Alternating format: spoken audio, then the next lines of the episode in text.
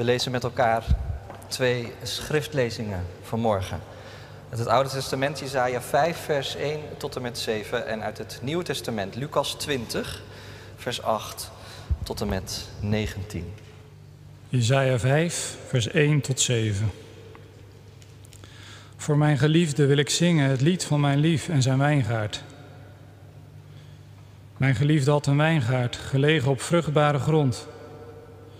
Hij bewerkte de grond, haalde de stenen eruit en plantte een edele druivensoort. Hij bouwde er een wachttoren, hakte ook een perskuip uit. Hij verwachtte veel van zijn wijngaard, maar die bracht slechts wrange druiven voort. Wel nu, inwoners van Juda en Jeruzalem, spreek recht tussen mij en mijn wijngaard. Wat kon ik meer aan mijn wijngaard doen? Wat heb ik te weinig gedaan? Ik verwachtte zoveel van mijn wijngaard. Waarom bracht hij slechts wrange druiven voort? Luister, ik zal jullie vertellen wat ik met mijn wijngaard ga doen. Ik ruk de doornhagen uit en breek de muur af, zodat hij verbrand en vertrapt kan worden. Ik zal hem laten verwilderen. Er wordt niet meer gesnoeid, niet meer gewiet. Dorens en distels schieten erop. De wolken zal ik opdragen geen regen op hem te laten vallen. Israël is de wijngaard van de Heer van de hemelse machten. De uitgelezen aanplant zijn de inwoners van Juda. Hij verwachtte recht, maar oogste onrecht. Hij zocht rechtsbetrachting, maar vond rechtsverkrachting. De lezing uit het Nieuwe Testament, uit Lucas 20, vers 9 tot 19. Hij vertelde de menigte de volgende gelijkenis. Een man legde een wijngaard aan en verpachtte die aan wijnbouwers, waarna hij voor geruime tijd op reis ging. Na verloop van tijd stuurde hij een knecht naar de wijnbouwers, die het deel van de oogst dat de eigenaar toekwam in ontvangst moest nemen. Maar de wijnbouwers ranselden hem af en stuurden hem met lege handen weg. Daarna stuurde hij een andere knecht. Ook die werd afgeranseld en nadat ze hem hadden vernederd, stuurden ze ook hem met lege handen weg. De eigenaar stuurde toen een derde knecht, maar ook die werd afgetuigd en de wijngaard uitgegooid. Toen zei de eigenaar van de wijngaard: Wat moet ik doen? Ik zal mijn geliefde zoon naar hen toesturen. Voor hem zullen ze toch wel ontzag hebben. Toen de wijnbouwers hem zagen, overlegden ze met elkaar en zeiden: Dat is de erfgenaam. Laten we hem doden, dan is de erfenis voor ons. En ze gooiden hem de wijngaard uit en doodden hem. Wat zal de eigenaar van de wijngaard nu met hen doen? Hij komt zelf, doodt de wijnbouwers en geeft de wijngaard aan anderen. Toen de mensen dit hoorden, zeiden ze dat nooit. Maar hij keek hen aan en vroeg: Wat betekent dan wat er geschreven staat? De steen die de bouwers afkeurden is de hoeksteen geworden. Iedereen die over die steen struikelt, zal gebroken worden. En iedereen op wie, de steen, op wie die steen valt, zal worden verpletterd. De schriftgeleerden en hoge priesters, die wisten dat Jezus deze gelijkenis met het oog op hen verteld had, wilden hem op dat moment laten grijpen. Maar ze waren bang voor de reactie van het volk. Tot zover het woord van God. Gemeente van Christus, hier in de kerk aanwezig en de mensen die thuis met ons verbonden zijn. Praat erover, niet eroverheen. Praat erover, niet eroverheen. Misschien heb je die slogan wel gehoord, ergens voorbij horen komen in de afgelopen weken. Want hij hoort bij een campagne van Sieren, de Stichting Ideële Reclame. Met als doel om mensen over de dood te laten praten. Is dat nodig dan? Nou, volgens deze stichting wel, want uit onderzoek blijkt dat heel veel Nederlanders het helemaal niet zo gemakkelijk vinden om over de dood te praten.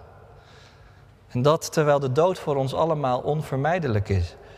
Er is maar één ding zeker en dat is dat we allemaal een keer gaan sterven. En alleen al daarom zou het goed zijn om het er met je dierbaren over te hebben. En die campagne wil dat gesprek een beetje loswrikken.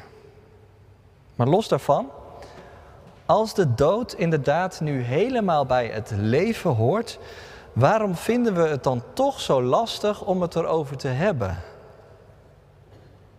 Zou het kunnen dat we ten diepste maar heel moeilijk kunnen omgaan met het definitieve karakter ervan?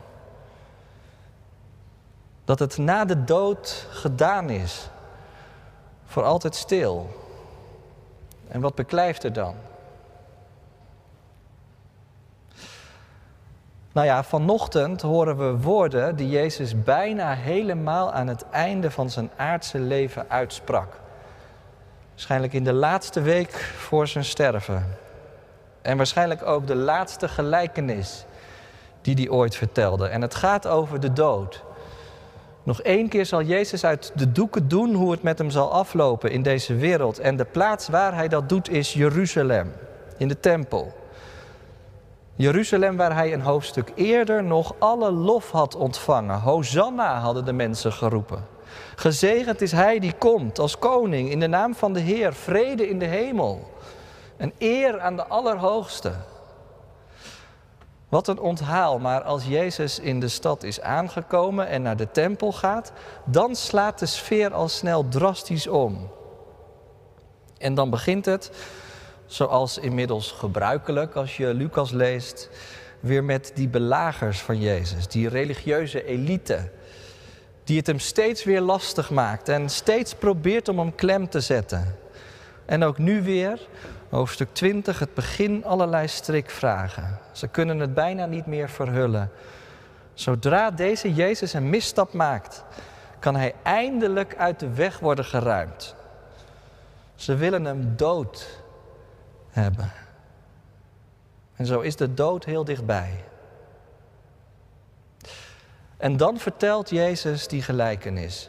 En dat is bepaald geen feel-good story. Ook al begint het verhaal nog zo prachtig.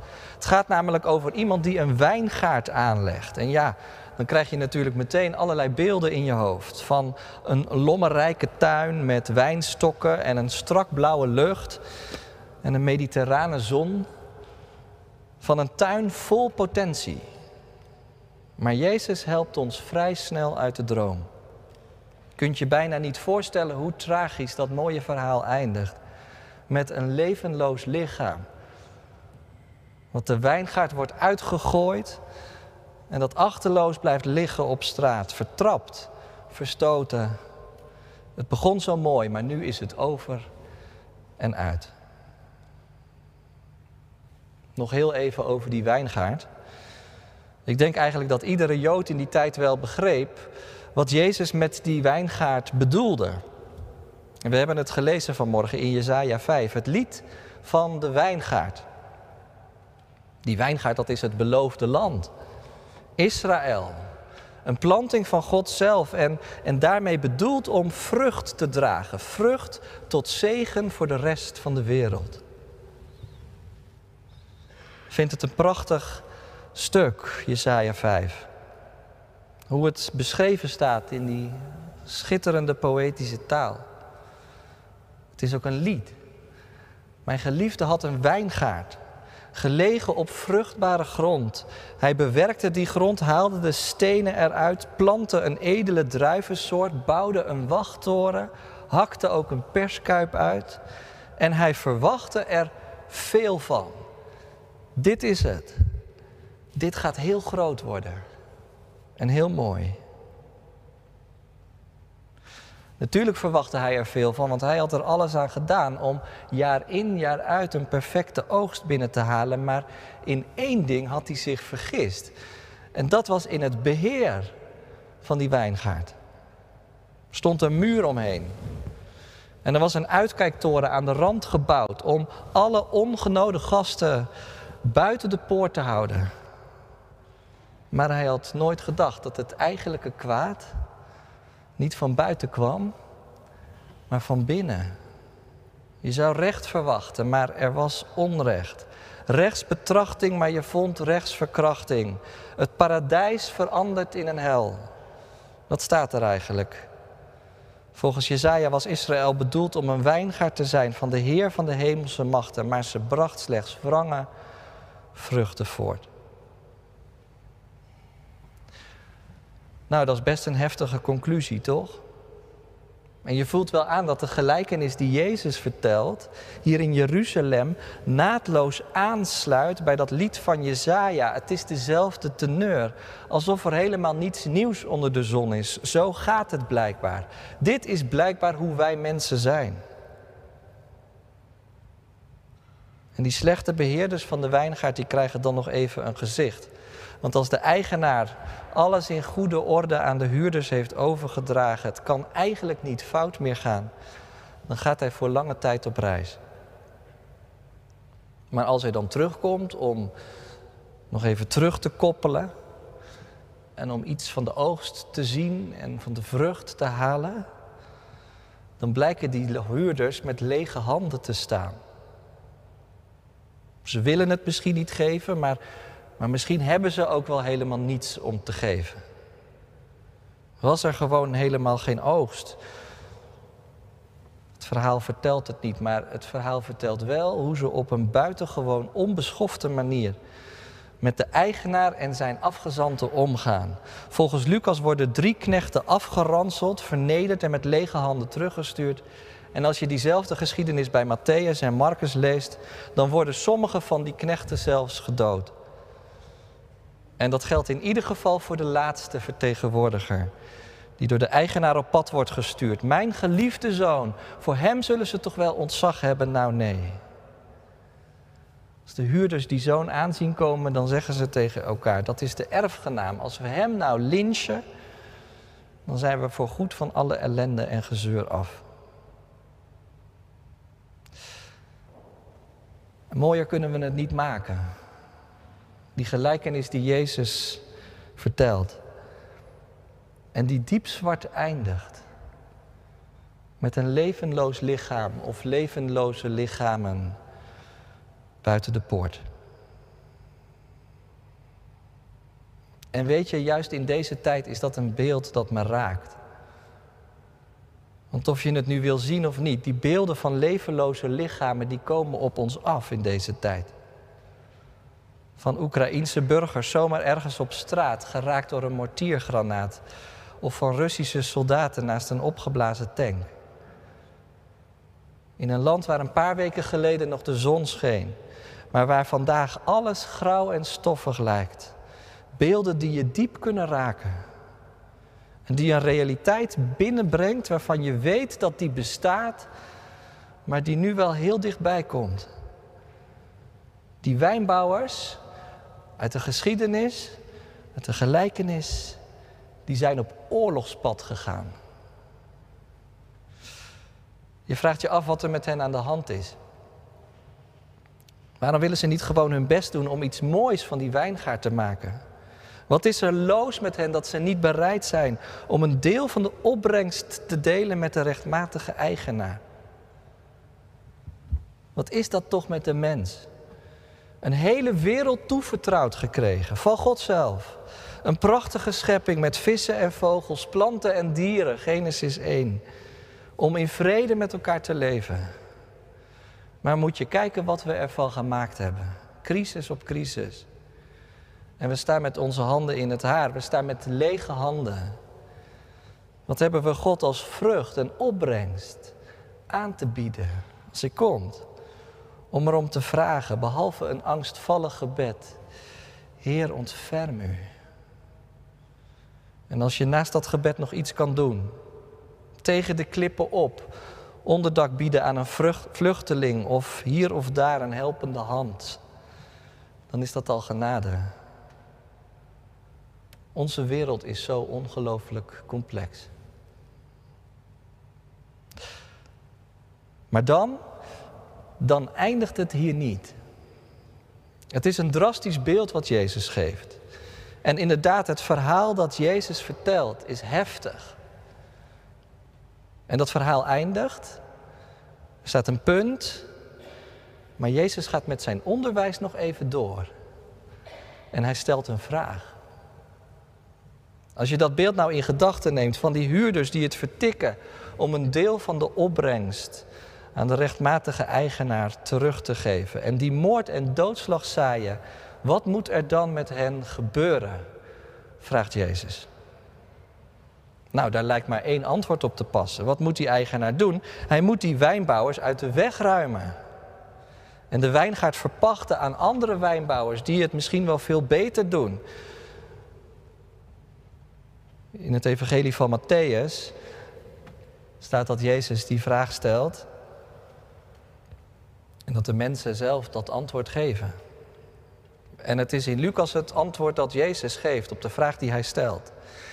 Die eigenaar komt tenslotte zelf om de wijnbouwers te doden en de wijngaard aan anderen te geven. En je zou zeggen dat is inderdaad de enige oplossing die je kunt verzinnen. Dit is wat er moet gebeuren. Aanpakken die gasten.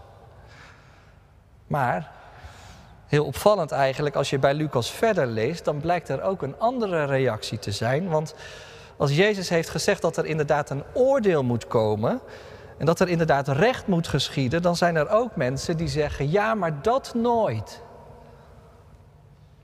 Kijk maar, het staat er echt in vers 16b. En je vraagt je af, wat is dat nou voor reactie? Wie kan daar nou op tegen zijn? Dat er orde op zaken gesteld moet worden in de wijngaard.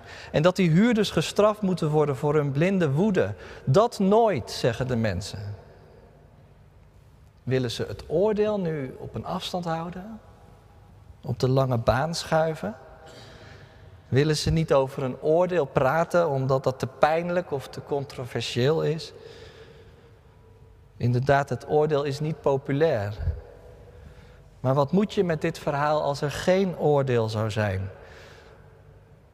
Zouden de mensen bang zijn dat een ingrepen van boven het definitieve einde zou betekenen van deze wijngaard en van deze wereld? Dat daarmee alles letterlijk doodgelopen zou zijn, de knechten afgeranseld, de erfgenaam gedood, de huurders uit het veld geruimd? Ik weet niet waarom de mensen om Jezus heen gaan protesteren tegen het oordeel. Maar het zou zomaar kunnen dat ze al luisterend toch iets van zichzelf in het verhaal hebben ontdekt. In ieder geval staat er dat de schriftgeleerden en de hoge priesters het precies begrepen dat het over hen ging.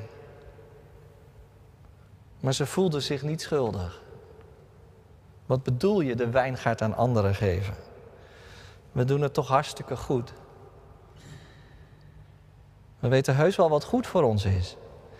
En wie denkt u wel niet dat u bent, Jezus van Nazareth, de erfgenaam van God, Gods geliefde zoon, zei u dat nou? Laat ons niet lachen. Daar geloven wij geen snars van. En kijk, als je dus eigenlijk dit verhaal op die manier beoordeelt, dan, dan is dat ook tragisch. De eigenlijke, werkelijke tragiek van dit verhaal is misschien wel niet dat het allemaal doodloopt met die wijngaard, maar vooral dat die wijnbouwers zich van geen kwaad bewust zijn. Dat je blijkbaar een leven kunt leven dat totaal afgesloten is voor het evangelie. Helemaal verblind door de machten van deze wereld. En dat je dan vooral struikelt over Jezus. Die kwam om de dingen recht te zetten tussen God en tussen ons. Maar nee, dat kan toch de geliefde zoon van God niet zijn. Een mens die sterft aan een kruis. En die afgeranseld wordt en vernederd. Een koning op een ezel. Wat je volgens mij steeds opnieuw ziet in de geschiedenis en wat deze gelijkenis en dit verhaal ook wil vertellen, is dit: dat mensen met macht, welk niveau dan ook, niet zitten te wachten op een Christus die ons oproept om onze vijanden de andere wang toe te keren. Van de Taliban-strijder tot president Poetin en van je manager tot misschien wel jouzelf. Het zit van nature gewoon niet in ons. Moet ons gegeven worden. En toch is dat precies de richting die de schrift ons wijst. Daar klinkt ook in de kerk een andere stem Dat de verlossing door de dood en het oordeel heen te vinden is bij een steen die door de bouwers werd afgekeurd, maar die tot een hoeksteen zal worden. En daarom haalt Jezus, als hij verder gaat met zijn onderwijs, die tekst uit Psalm 118 aan. De steen die door de tempelbouwers verachtelijk was en plaats ontzegd, is tot verbazing der beschouwers van God, tot hoofd des hoeks gelegd. Stel je maar gewoon een bouwplaats voor waar inderdaad allerlei stenen liggen. En allerlei handwerkers keihard bezig zijn om een muur te bouwen. Grote rosblokken moeten in handzame formaten worden gebikt gewoon lekker rechthoekig, zodat je ze goed kunt stapelen. En alles wat niet past, wordt even opzij gelegd. En zo blijft de meest misvormde steen misschien het langste liggen op de stapel met afdankertjes.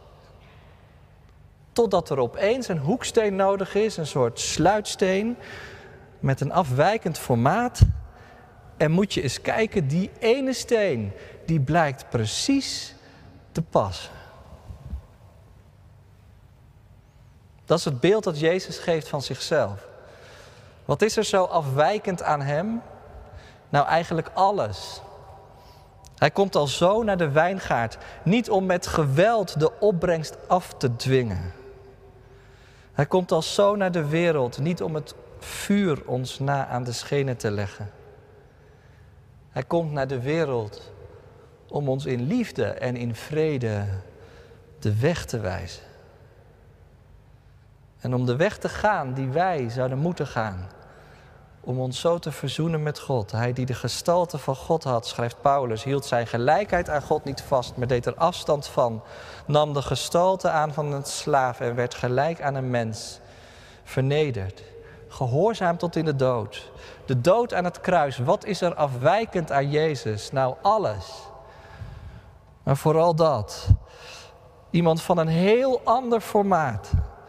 Een hoeksteen. De oorsprong van een nieuw lichaam. Van alle die in Christus zijn. Ik zei het al even, dit is misschien wel de laatste gelijkenis die Jezus vertelt tijdens zijn rondgang op aarde. En je voelt wel aan, het is ook een gelijkenis waar de beslissingen vallen. Toen de kleine baby Jezus op datzelfde plein van de tempel in de armen van de oude Simeon lag, toen zei Simeon dit over hem: Velen in Israël zullen door hem ten val komen, of juist door hem opstaan. Nou, hier staat hij dan. Jezus van Nazareth. Ik ben Gods geliefde zoon. Dat werd al over mij gezegd toen ik door Johannes gedoopt werd in de Jordaan. En ik zei het zojuist over mijzelf in die gelijkenis over de wijngaard. Ik kom naar jullie toe om het goed te maken tussen jullie en God. Maar zijn jullie eigenlijk wel bereid om mij te gaan volgen? Of zwijg je me liever dood? Nou, die vraag klinkt vanochtend ook hier in de kerk. Ben je bereid om deze Christus te volgen? Of zwijg je hem liever dood? In de kerk geloven we dat in Hem inderdaad de beslissingen vallen. En dat is maar goed ook, want we geloven ook dat we het alleen in dat geloof kunnen uithouden in een wereld in nood. In een wereld die soms zo verschrikkelijk veel weggeeft van dat sombere beeld van die wijngaard. Waar de dood zomaar het laatste woord lijkt te hebben. En dat brengt dan tenslotte nog even bij dat laatste zinnetje dat Jezus uitspreekt in het gedeelte dat we lazen, ernstige woorden. Maar misschien wel juist ook in onze tijd woorden waar we wat aan hebben. Woorden die gaan over het oordeel. Ik had het er al even over, we zijn vaak geneigd om dat oordeel wat op een afstand te houden. Ook al beleiden we dat Jezus terugkomen zal om te oordelen de levenden en de doden. Maar vanochtend moeten we het oordeel niet wegwuiven of wegduwen. Integendeel, juist in een tijd vol onrecht en vol zonde en vol schuld, is dat verlangen naar recht en gerechtigheid zo ongelooflijk belangrijk. Nee, niet naar het recht in eigen hand, maar wel naar het recht van God. Dat Gods gerechtigheid doorbreekt in onze wereld. En Jezus verbindt het oordeel dan helemaal aan zichzelf. Iedereen die over deze steen zal struikelen, zal gebroken worden. En iedereen op wie deze steen valt, zal worden verpletterd. Je moet begrijpen dat dat beeld uit Daniel 2 komt. Voor de Joden ook een heel bekend stuk waarschijnlijk. Over die droom van koning Nebukadnezar. Die een groot beeld voor zich ziet met een hoofd van zuiver goud. En met een borst en armen van zilver. En een buik van brons en benen van ijzer en voeten van leem. Dat beeld is reusachtig en heeft een prachtige glans. En het staat symbool voor alle aardse koninkrijken die de wereld in hun macht hebben. En het lijkt alsof ze het laatste woord hebben. Alsof het hier op aarde alleen om hen draait, om machtsvertoon en onderdrukking. Desnoods door dood en door geweld. Maar dan gebeurt er iets opvallends. Want er raakt een steentje los, heel klein zonder dat er een mensenhand aan te pas komt en die steen rolt naar beneden. En wordt steeds groter en verbrijzelt uiteindelijk dat hele beeld. In Daniel 2 staat: Het werd als kaf op een dorsvloer in de zomer. De wind voerde het mee, totdat er geen spoor meer van te vinden was. Maar de steen die tegen het beeld was geslagen, werd een hoge berg die de hele aarde bedekte. Een berg stenen, niet een glanzend beeld. Er is iets heel anders begonnen. Iets heel nieuws, van een heel ander formaat. Niet door kracht of door geweld, maar door mijn geest. Nou, dat is wat Jezus hier zegt. Die steen, dat ben ik. En ik zal straks door de dood heen opstaan. Er komt een nieuw koninkrijk. Die steen verplettert niet alleen. Nee, het is ook het fundament waarop je kunt bouwen. Waarop Gods nieuwe wereld vorm krijgt. Een wereld van vrede en recht. Waar de dood niet meer zal zijn, omdat ze definitief is overwonnen. Nou, dat is precies de hoop waar we het over hebben in de kerk en in de gemeente van Christus. Wie had dat gedacht? Die wijnbouwers die zagen die zoon aankomen en ze zeiden tegen elkaar: laten we hem doden. Want hij is de erfgenaam. Maar God keert alles om. En in dat geloof kunnen we in de kerk ook over de dood heen kijken. Praat erover maar praat er ook overheen. Dat geeft een heel nieuw perspectief. Om nu al in geloof de weg van het leven te gaan. Om vruchten voor te brengen die een nieuw leven waardig zijn. En om het zo uit te houden totdat Hij komt. Amen.